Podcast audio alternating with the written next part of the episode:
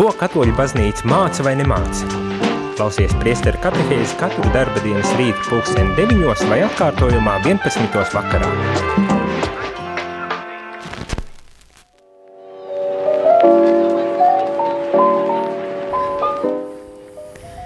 Es sveicināts radio Marija Latvija klausītāji, eh, pulkstens 9 un 6 minūtes, un šajās dienās priestera katehēzē tad uh, aplūkojam jautājums, kas saistās ar drošību un vardarbības kādām situācijām arī baznīcā, un ne tikai arī mūsu sabiedrībā, kā tad rīkoties, kā būt uzmanīgam, kā būt uh, kā iesaistīties, lai tās problēmas risinātu. Un, Tad vakar dzirdēju priesteri Tomu Priedoliņu, kas runāja vairāk par vispārīgi ar priesteri Jāņu Meļņikovu par šo vardarbības terminu, arī par to, kā Bībele skatās uz to, ko mums Jēzus saka.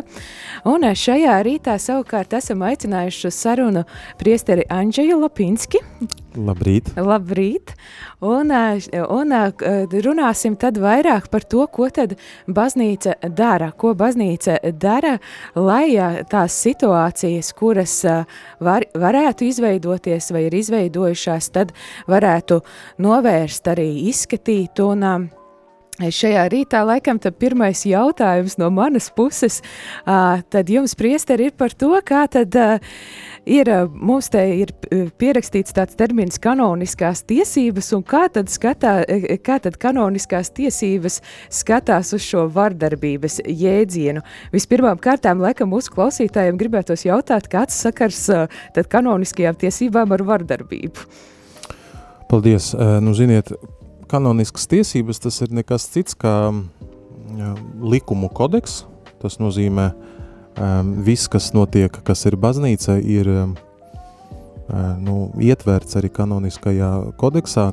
Kanoniskais kodeks principā regulē uh, visu uh, baznīcas institūciju, tieši to ārējo institūciju, sakot no, no, no kaut kādām tādām nezinu, kā, kā jābūt izvietotam uh, presbiteram, altārim un visam pārējām baznīcā, līdz pat uh, tādām lietām, par ko šodien runājam, par kaut kādiem soda lietām, par, par pārkāpumiem, ja nu, šajā gadījumā konkrēti runājam par pārkāpumiem, bet jūs pareizi pateicat, pajautājat, tāpēc, ka mums sākuma ir jātiek skaidrība ar iedzieniem, Ne, Tas tā, nevienmēr ir vieglākais. Jā, kā, jau, kā, jau katra, kā jau katra jurisprudence mums ir jāsaprot, eh, par ko vispār tiek runāts, lai mēs saprastu to problemātiku eh, nu, vienādi. Jā, tad, kad mēs runājam par, par šo lietu, tad mums jātiek skaidrība, par ko vispār iet eh, runa, par kāda veida pārkāpumiem un par kāda veida drošību mēs runājam.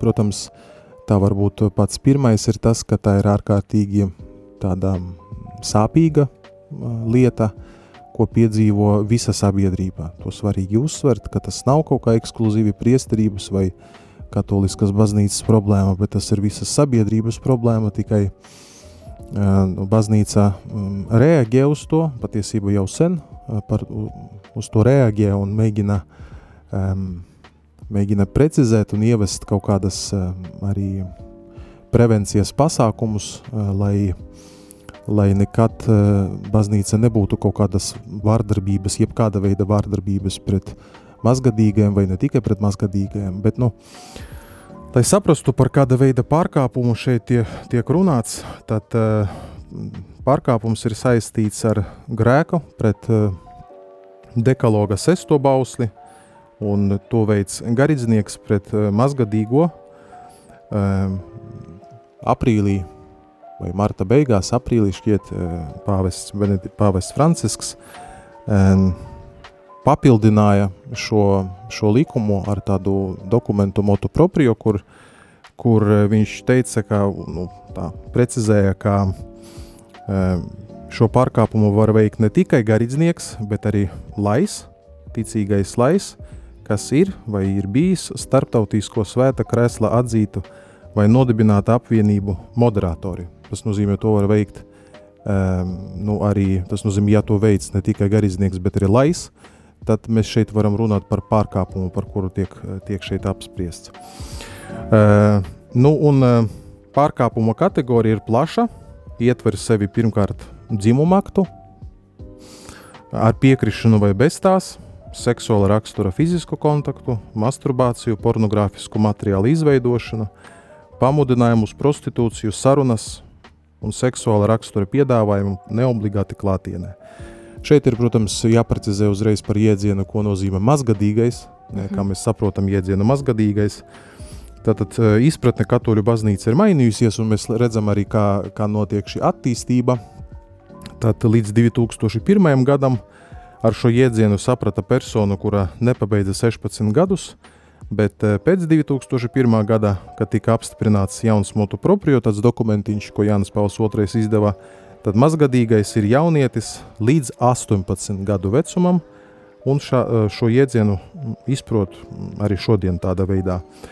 Bet savukārt jauns papildinājums, kārtējais tāds precizējums šim dokumentam notika Benedikta 16. laikā, 2010. gadā, kad eh, dokuments pielīdzināja mazgadīgiem arī tos cilvēkus, kuriem nav prāta lietošanas spēju.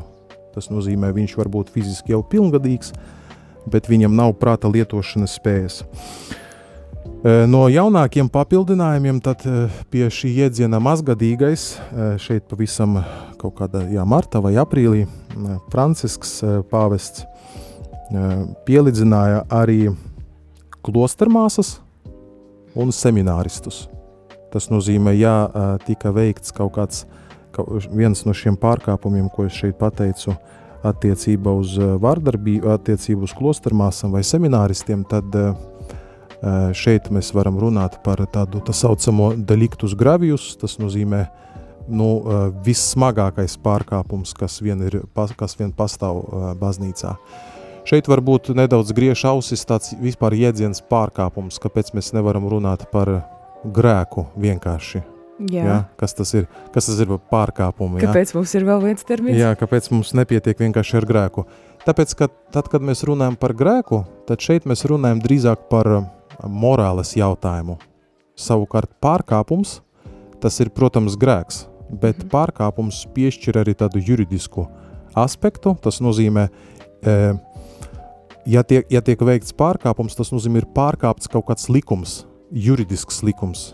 Tas nozīmē, ir kaut kāds grēks, kas ir morāls jautājums, bet nu, kodeks par to neko nesaka. Un līdz ar to tas ir vienkārši nu, nezinu, grēksūdzes jautājums, ka tu vari aiziet pie grēksūdzes, atdot to, to visu kungam un mieru. Savukārt pārkāpuma gadījumā tur nav viss tik viennozīmīgi, tāpēc ka citreiz ir vajadzīga arī tāda juridiska procedūra, lai šo nu, morālu jautājumu atrisinātu. Teiksim, ja, piemēram, priesteri par kādu pārkāpumu um, suspendē no priesterības, izslēdz no priesterības, -hmm. tad mhm. tas nav tā, ka es vienkārši varu aiziet pie grēkus, nožēlot grēkus un, un tad un būt tad, atkal. un tad būt atpakaļ. Tāpēc, tas vairs nav jautājums tikai par grēku, par morāles izpratnes grēku, bet arī par kādu juridisku pārkāpumu. Tad man vajag iet speciālu tādu procedūru, juridisku procedūru, kur ir iesaistītas kompetentas personas, attiecīgas institūcijas, lai tevi atgrieztu uh, amatā. Nu tā, tas ir ļoti uh, īsi. īsi. Jā, klausītāji, ja arī tev ir kādi jautājumi, protams, ka tā tēma, ko mēs skaram šobrīd, uh, ir sāpīga un uh, arī ļoti plaša, kā jau tikko arī par terminiem runājot, uh, konstatējām, bet noteikti tu vari arī iesaistīties šajā priestara katehēzē, zvanot gan uz telefonu numuru 67 969 131, gan arī sūtot īziņu, varbūt, ka pat īziņas šobrīd būtu vieglāk mums pieņemamas un administrējamas. Tātad uz telefonu numuru 266 77 272.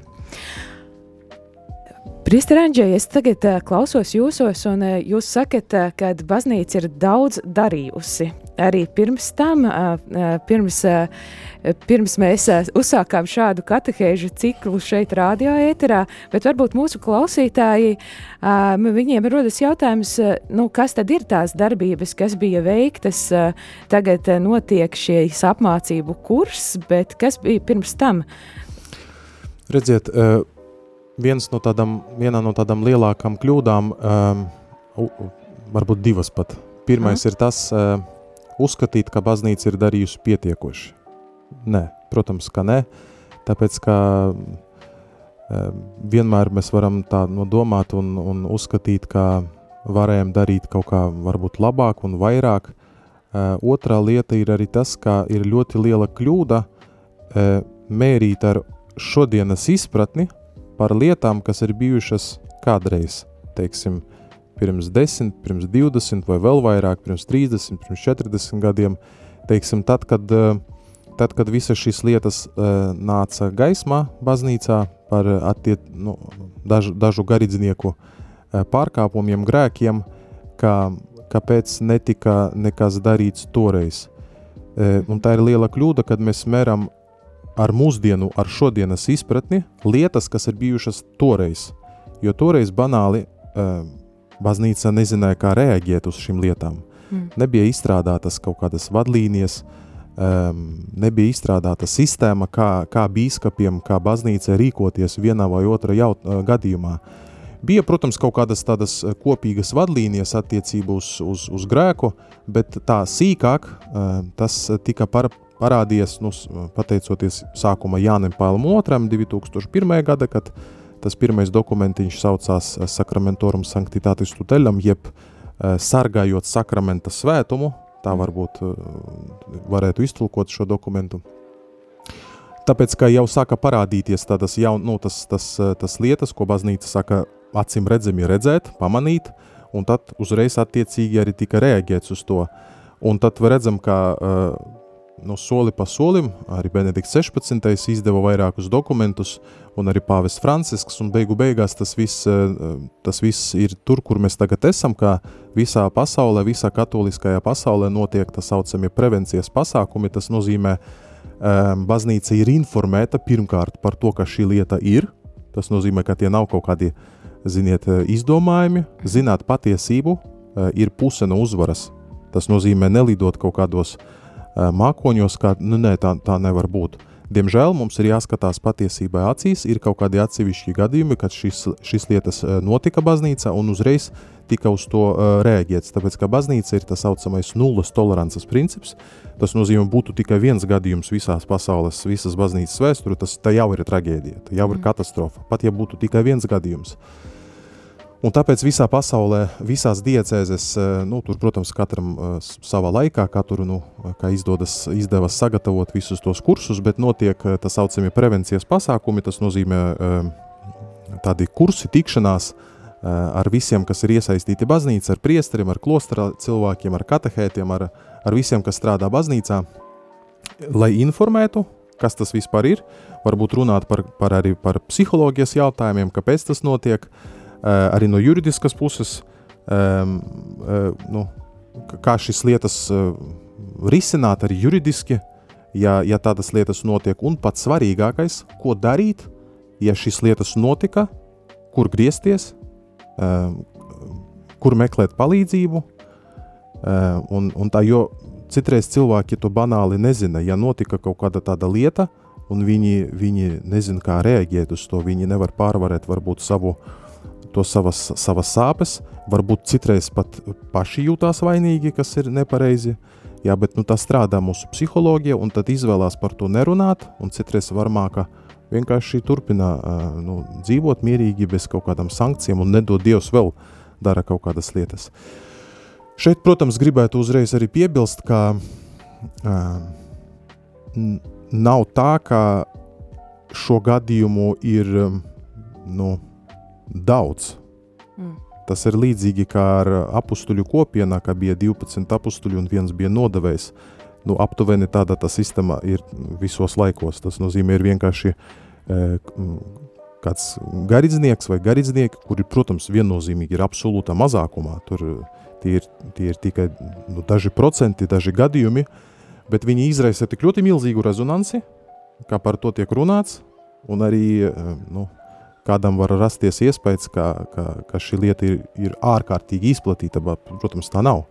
Tas ir līdzīgi, kā viens no svētiem teica, ka priesteris ir kā lidmašīna, kamēr viņš lido, par viņu neviens neatcerās, bet kad viņš krīt, tad uzreiz par to, par to visu runā. Tā kā jā, no juridiskas puses varbūt es mēģinu arī skaidrot baznīcas cilvēkiem, priesteriem un katehētiem un klostera ļaudīm, nu droši vien pirmkārt, ko darīt, ja šī lieta nedod Dievs tika konstatēta, mm. kur griezties, un tad kā notiek pati procedūra.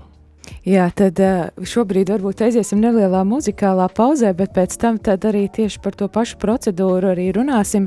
Paliec klausītāji kopā ar mums, un uh, šajā brīdī atgādinu tev arī, kad uh, telefona numurs īziņām, uz kurām tu, kur tu vari sūtīt, ir uh, 266 77 272. Pēc īsas muzikālas pauzes tad atgriežamies ēterā.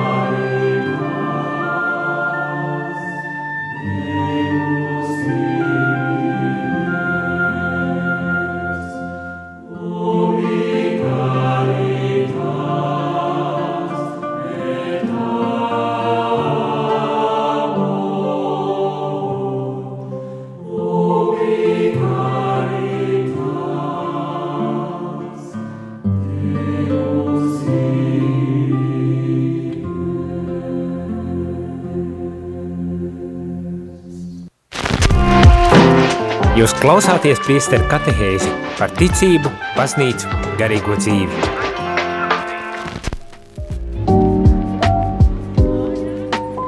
Dargo radījuma arī Latvija klausītāji, esam atpakaļ priestera katehēzē un ar mums kopā šodien priesteris Andžejs Lapinskis un runājam par tādu nopietnu sāpīgu tēmu, proti par vardarbību baznīcā, par drošību, arī par šo procedūru un likumdošanu, tā ka pirms, pirms muzikālās pauzes runājām par terminiem un ko tad kanoni saka par to, kas tas ir par pārkāpumu, par ko šodien dienas katehēze ir, tad solījām pēc muzikālās pauzes atgriezties ar to, ko tad darīt, ja, piemēram, ir šī situācija, kad kad, diemžēl, uh, ir noticis pārkāpums, kā tad uh, zināt, kā to konstatēt un kur tad griezties, kāda ir šī procedūra?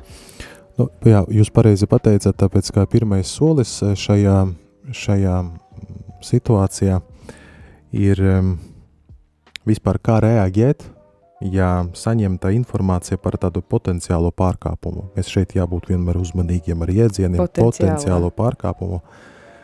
Un um, šo nu, jēdzienu baznīca sauc par noticija de delicto, tas ir uh, ziņa par pārkāpumu, jeb citreiz to sauc noticija kriminis, ziņa, uh, nu, kriminālā ziņa, tā varētu to, to nosaukt. Un um, šeit iet runa par tā varbūt jebkāda veida ziņa, kura jebkādā veidā uh, nonāk līdz ordināriem, nu, jeb tāda vienkārša valoda runājot līdz bīskapam, mm -hmm. nu tā, lai būtu vieglāk saprotams. Un tai nav obligāti jābūt formālai, ko tas nozīmē. Uh, viņai var būt vairāki formāti, tā var būt uh, nodota mutiski vai rakstiski, to sniedz iespējamais upuris, viņa aizbildnis vai kāda cita persona, kura apgalvo, uh, kā ir informēta par notikušo. Ziņa var nonākt pie ordinārija viņam veicot, piemēram, pastorālu uzraudzību, nu, mhm. vizitācijas laikā vai kaut kā tā.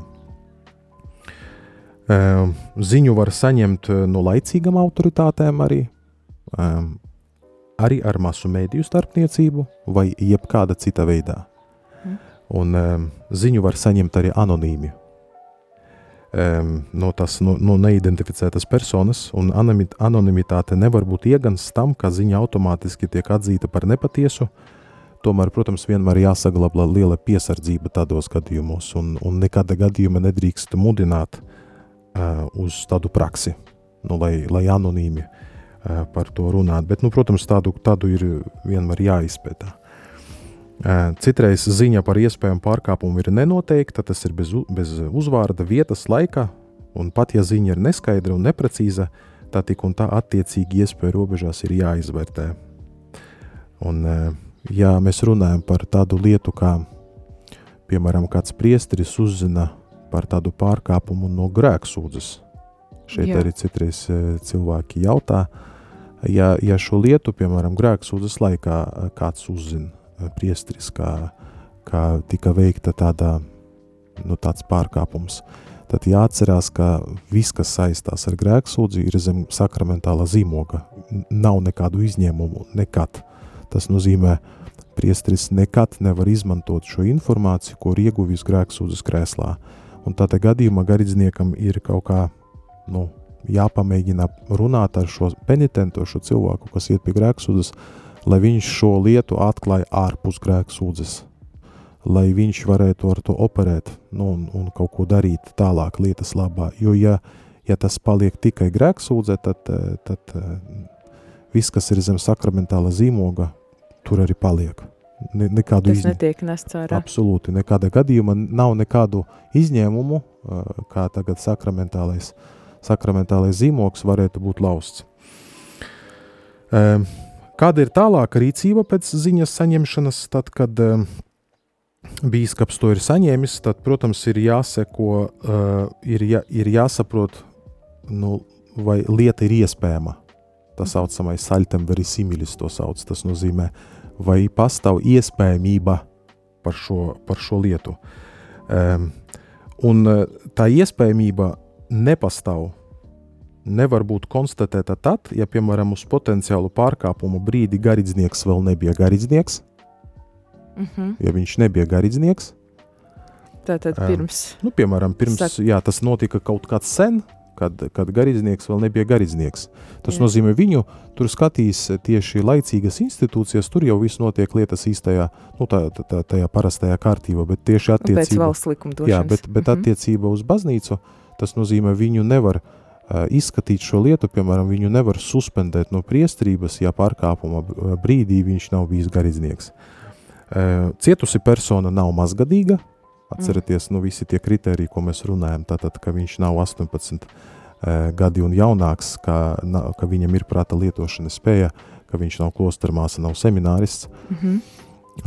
Un trešais ir noteikts, ka pārkāpuma brīdī apsūdzētais nevarēja būt fiziski klātesošs un tas ir arī ļoti svarīgi, un tas ir liela bīskapa atbildība un liela bīskapa tāda, tāds krusts būt ļoti gudram, šajā, šajos jautājumos. Tas nozīmē, nu, ja, ja apsūdz kādu priestri, anonīmi, ne anonīmi, bet nu, viņš redz, ka tajā brīdī, kad, kad tas it kā notika, viņš, piemēram, zina, ka tas priestris ir bijis, nezinu, studijās ārzemēs vai, vai ir bijis rekolekcijas kopā ar to pašu bīskapu, nu, ka mhm. viņš saprot, ka tā ir nu, nepatiesa apmelošana.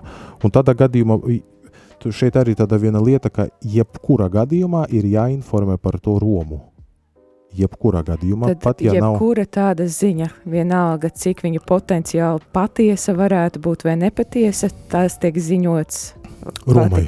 Jā, nu, tas mm -hmm. ticības dikastērijas, tas saucamais, jeb kā agrāk, agrāk, sauca ticības kongregācijā. Tas nozīmē, nu jā, ka, ka par to ir jāziņo Romai un arī, teiksim, par iespējamu, nu, par kāpēc nav lietas, iespē, nu, lietas iespējamības, teiksim, kā bīskaps tāda raksto tāda paskaidrojumu, precizējumu, kā saņemta tāda ziņa, bet nu, pēc izpētes tika konstatēts tas, tas, tas, un tāpēc lieta netiek virzīta tālāk. Um, jā, tā kā, tā kā tā, nu, kā mēs redzam, ja, ja nedod Dievs notika kaut kāda tāda potenciāla, notika kaut kāds pārkāpums vai ir aizdomas par to, tad, protams, par to ir jārunā un, un jāsaka par to attiecīgam instancēm. Un, jā, tur, starp citu, tad, kad uzsākas process, tad uh, bīskapam, no nu, ordināriem ir arī pienākums uh, mudināt cietusu, cietušo pusi vērsties arī laicīgajā institūcijā. Mm.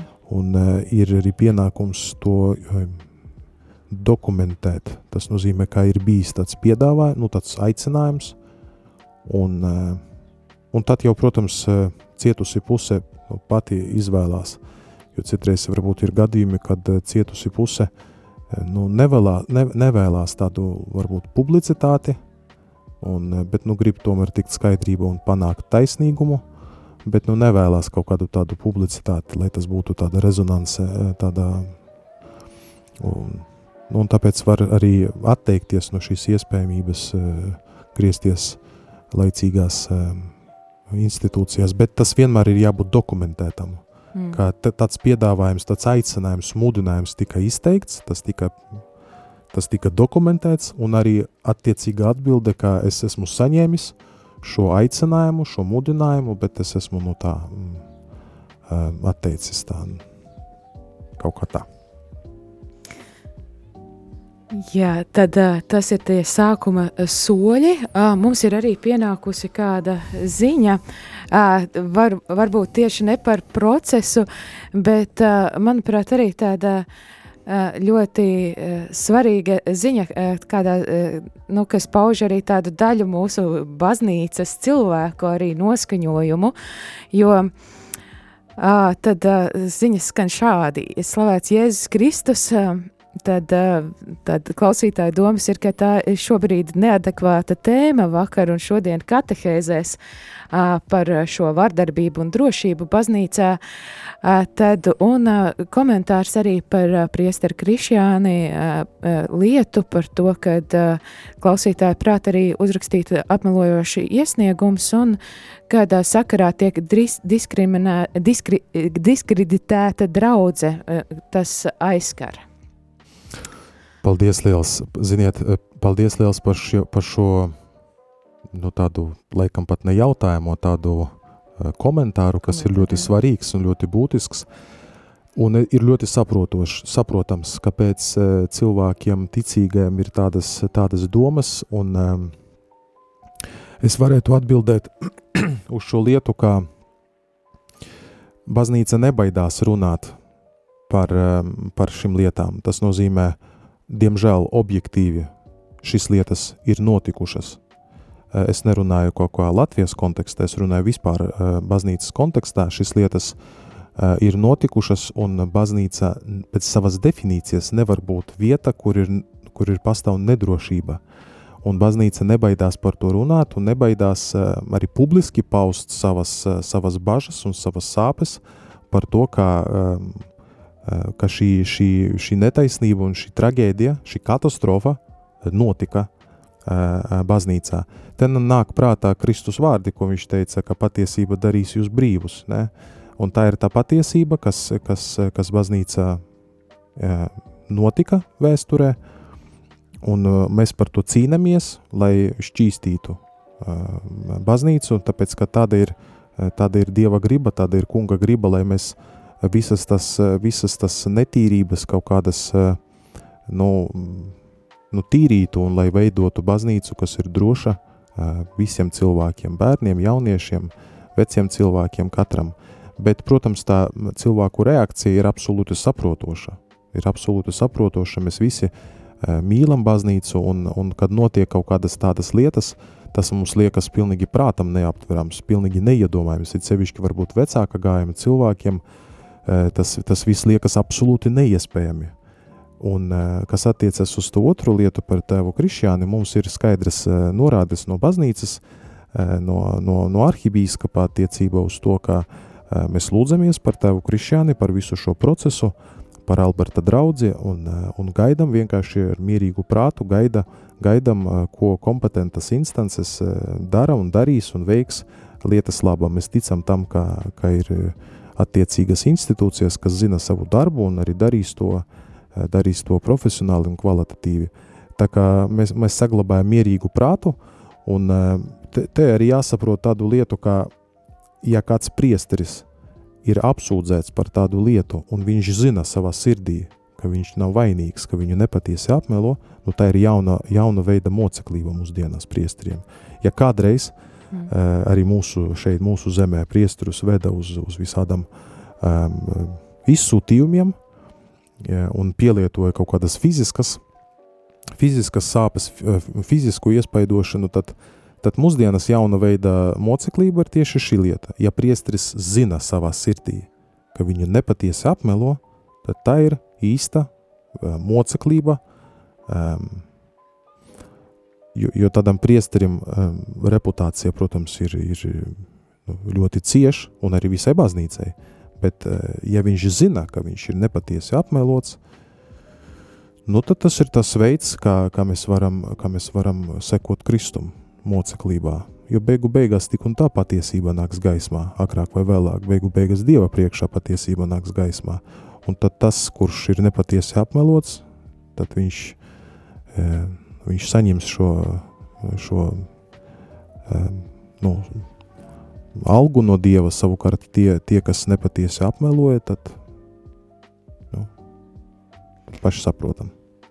Jā, šajā brīdī arī e, klausītājs saka, ka tas aizskar, kā varbūt e, mums, kā kristiešiem, arī šajā, šādās situācijās rēģēt. Varbūt jums ir kāds izteik, nu, ieteikums, jo skaidrs, ka tā ir sāpīga lieta un, diemžēl, arī uh, Daudzreiz varbūt ir arī situācijas, kad, eh, kad eh, mēs kaut ko izlasām un eh, cilvēki no malas izlasa ziņas. Ir šī situācija un uzreiz arī klausītājs raksta par to, ka nu, kā draudze jūtas aizskarta ar šo ziņu. Kā varbūt, ka, kas ir tās lietas, ko draudzes cilvēkiem da darīt šādā situācijā? Ziniet, ja, ja, ja tādas lietas uh, notiek, tad uh, ir pirmais ir jāsaglabā, uh, ir jāsaglabā uzticība Dievam, ir jāsaglabā miers attiecībā uz to visu, kā baznīca visos laikos ir gājusi cauri, cauri izaicinājumiem, cauri grūtībām. Tā ir jauna veida tāds, tādi izaicinājumi, kas agrāk varbūt nebija, ir jāsaglabā miers, jāsaglabā paļāvība uz Dievu, un kas attiecas uz draudzi, kura varbūt uh, nu, visvairāk kurus skartas, tad nu, pirmkārt eh, šī draudzene nav, nav kaut kā atdalīta no visas pārējās baznīcas, arī lokālās baznīcas. Līdzi šai draudzēji pārdzīvo un cieši bez izņēmuma visa Latvija. Visa Rīga, visa Latvija, visa eh, Rīgas eh, diecēze. Tā kā mēs esam visi vienoti viens ar otru un arī kopā ar, ar, ar Alberta baznīcu, ja mēs runājam tieši par, par šo gadījumu, tad um, Nu jā, un jānāk, nu kas, jānāk uz svēto misiju, jālūdzās. Nekas, nekas tāds, nekas tāds pārdabisks te nevar te ieteikt, tikai tas, ka jāsaglabā šī uzticība Dievam, jānāk uz svēto misiju, beigu beigās mēs nākam uz svēto misiju pie Kristus. Nē, mēs nākam saņemt euharistiju, mēs nākam klausīties vārdu, mēs nākam pārdomāt nu, par, par savu dvēseli, mēs nākam pie sakramentiem. Tā kā saglabāt tādu vēsu prātu un, un paļāvību uz Dievu, kā beigu beigās pēdējais vārds vienmēr ir Kristum, neatkarīgi no nekā. Kādas nebūtu situācijas, pēdējais vārds vienmēr pieder kungam, Un tas noteikti nebūs e, kaut kāds naida un netaisnīguma vārds, bet gan piedošanas, žēlsirdības, taisnīguma un mīlestības vārds. Tāpēc mums visiem ir jāturās un, un, un jāatbild uz to, ko, ko, ko teica arhibīskaps, ka ir jāsaglabā miers un jālūdzās gan par tevu krišāni, gan arī par, par Alberta baznīcu, par Alberta draudzi un arī par visu baznīcu Latvijā, lai šis process ir svēta gara vadīts un lai patiesība nāk gaismā. Tad pēc īsa muzikālas pauzes atgriezīsimies šeit ēterā arī ar vēl kādu īziņu un arī tad noslēgsim katehēzi arī ar pāris vēl jautājumiem par to, kā tad mums šādās situācijās rīkoties.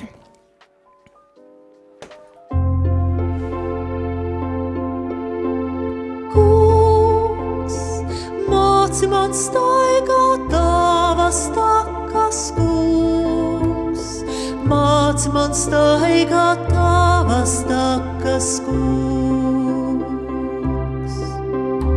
Kungs, māc man staigāt tavas takas, kungs.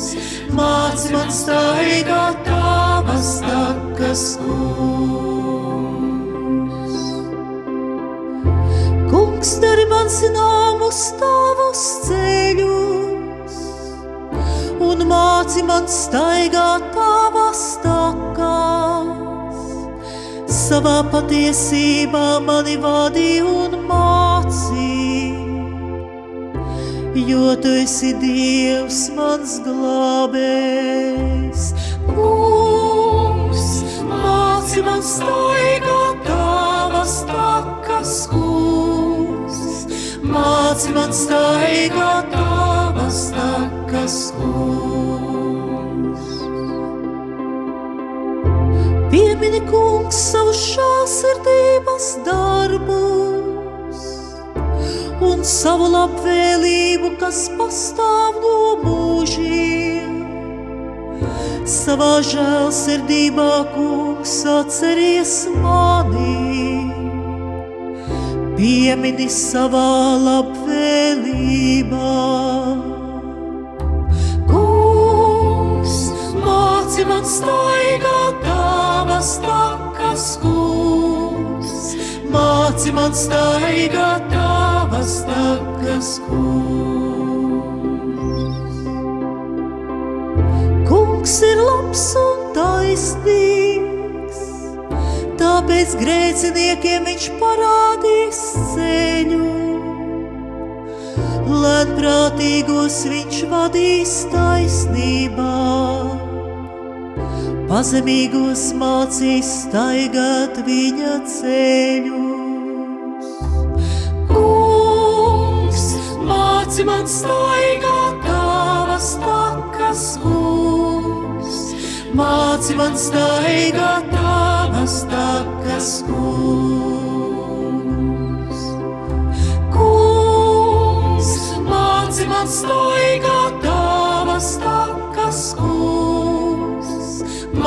man staigāt tavas takas, kungs.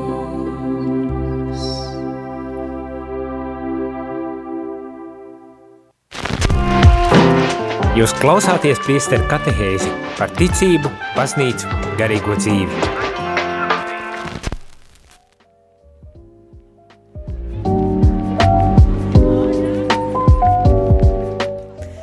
Dargo radiomu arī Latvijas klausītāji šajā 23. maijā kopā ar tevi šeit studijā Līva Kupfera. Un man ciemos arī priesteris Andrzejs Lapinskis un runājam par to, kā tad uh, kā, kā baznīcai rēģēt tātad attiecībā uz dažādiem vardarbības gadījumiem. Vairāk šajā katehēzē runājam tieši par to tādām nepatīkamām situācijām, tieši kad vardarbība baznīcā ir notikusi nu, un skārus nepilngadīgu personu. Arī pirms tam runājām par to, ka šis vecuma posms arī ir mainījies. Tātad li, par nepilngadīgu personu baznīcas likumdošanā mēs uzskatām personas, kas ir līdz 18 gadiem. Un arī vēl, kāds, vēl kāda īziņa mums ir pienākusi, un tas skan šādi. Paldies, manuprāt, arī katehēzē par to ir jārunā. Tas katram baznīcā piederīgam cilvēkam būtu jāzina, kā rīkoties.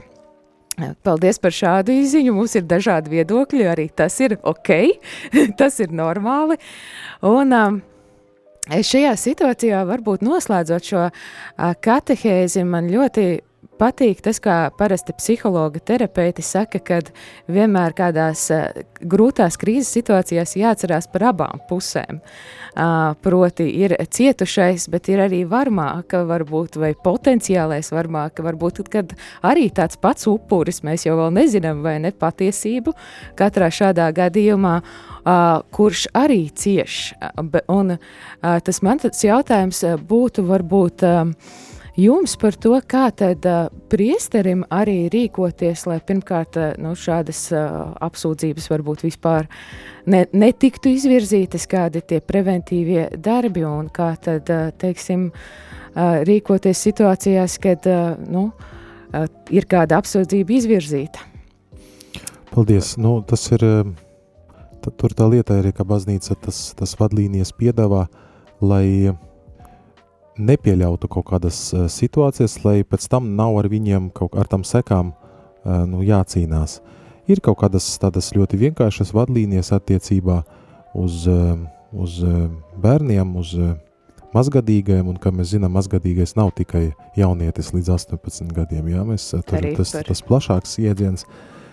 Nu, ja ir kaut kādas, piemēram, bērnu nometnes, jauniešu nometnes, tad ir ir tas liels pamudinājums, lai priesteris nepaliek viens pret vienu ar bērnu, lai, lai vienmēr ir klāt kāds no pieaugušajiem, tādā ziņā, kā, nu, ne jau tāpēc, ka priesteris kaut kā tur varētu būt varmācīgs vai kaut kāds agresīvs vai kā, nē, bet tieši, lai, nu, lai nevienam, ja kas gadījumā gribēs kaut ko pēc tam pateikt, nu, lai būtu tomēr eh, arī kādi liecinieki, ka mhm. nekas nav, nekas nav bijis.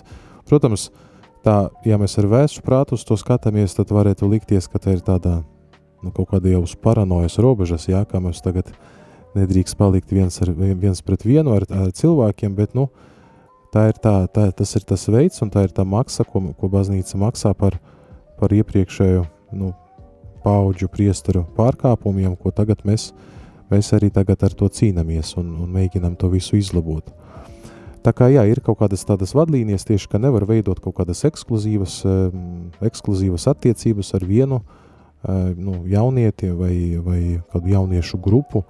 Nevar, nevar jāpalikt viens pret vienu ar viņiem, kā nedrīkst, protams, pazemot, būt varmācīgam tādā fiziskā veidā, kaut kā kliegt uz viņiem, nu, tādas lietas. Uh, tā kā tas ir tieši tie preventīvie pasākumi, nu, lai nepieļautu kaut kādas pēc tam nevajadzīgas apsūdzības.